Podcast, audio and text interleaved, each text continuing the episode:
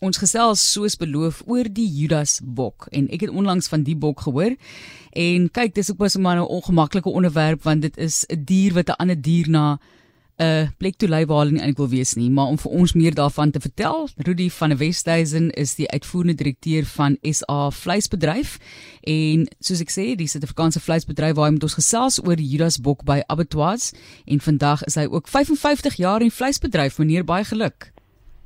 Baie dankie Marlies, dis 50 jaar. 50 jaar, goed. Ek gaan nie so net 'n nota maak as 50. Wel nog steeds. Ek dink 55 50, dis almal baie naby mekaar, maar baie dankie dat jy bereid is om ons te gesels as ek jou CV deurgaan en jou loopbaan in die vleisbedryf. Dis so indrukwekkend. Twee nasionale diplomas as ook 'n nasionaal erkende kursus in vleissny tegnologie.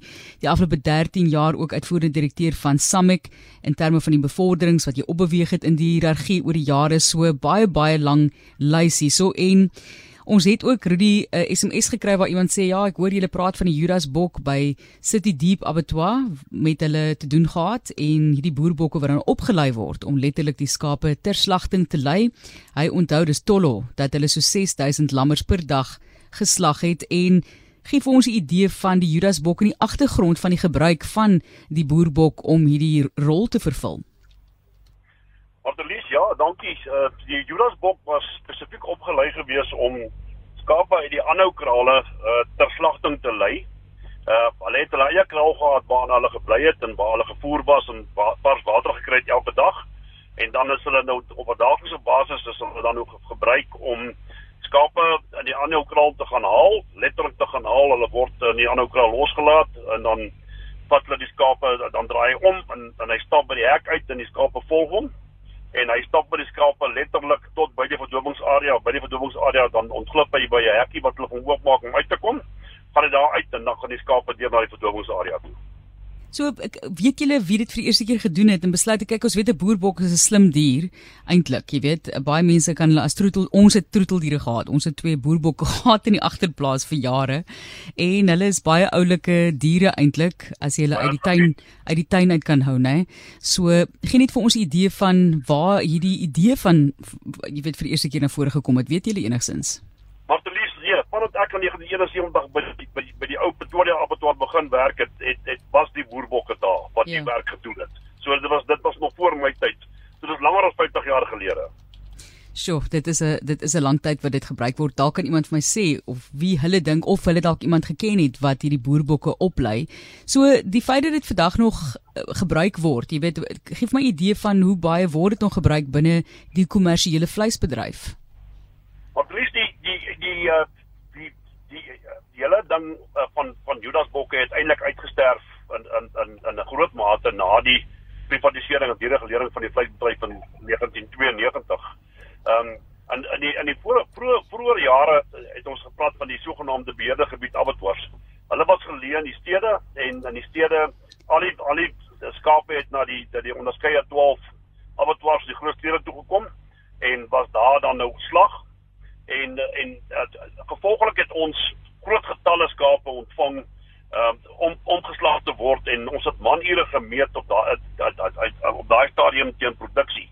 So die die boerbokke twee twee die Judasbokke het twee goed gedoen. Hy het eerstens het hy die skaap op 'n baie baie rustige manier by die by die verdowingsarea gekry wat uit die aard van die saak uh, met betrekking tot tot uh, tot diere uh, uh welsyn baie baie goed gewerk het.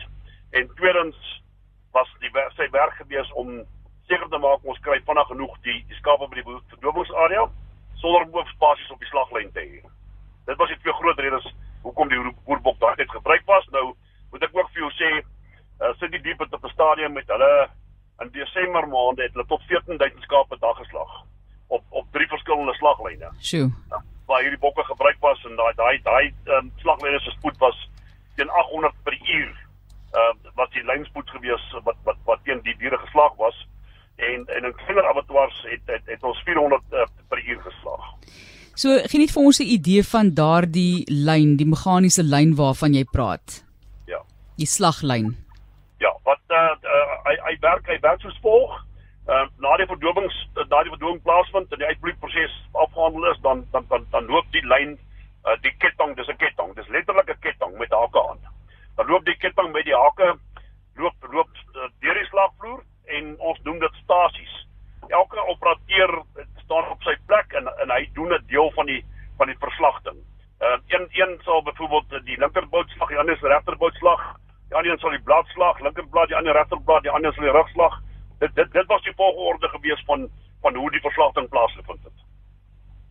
So in terme van die meganiese gebruik, die boerbok is op 'n manier uitgewerk en kyk mense is ook maar net sê jene jy het nou jy arme bok gebruik om 'n ander om 'n ander dier in 'n rigting te lei soos ek sê wat jy nou nie eintlik wil jy moet gaan nie. So is daar ook enige morele vrae hieroor. Ek vra maar as ek 'n vraag, jy weet ek is baie lief vir 'n vir 'n lekker lamstoppie, maar dit 'n mens 'n mens moet dan ook weet waar jou vleis vandaan kom.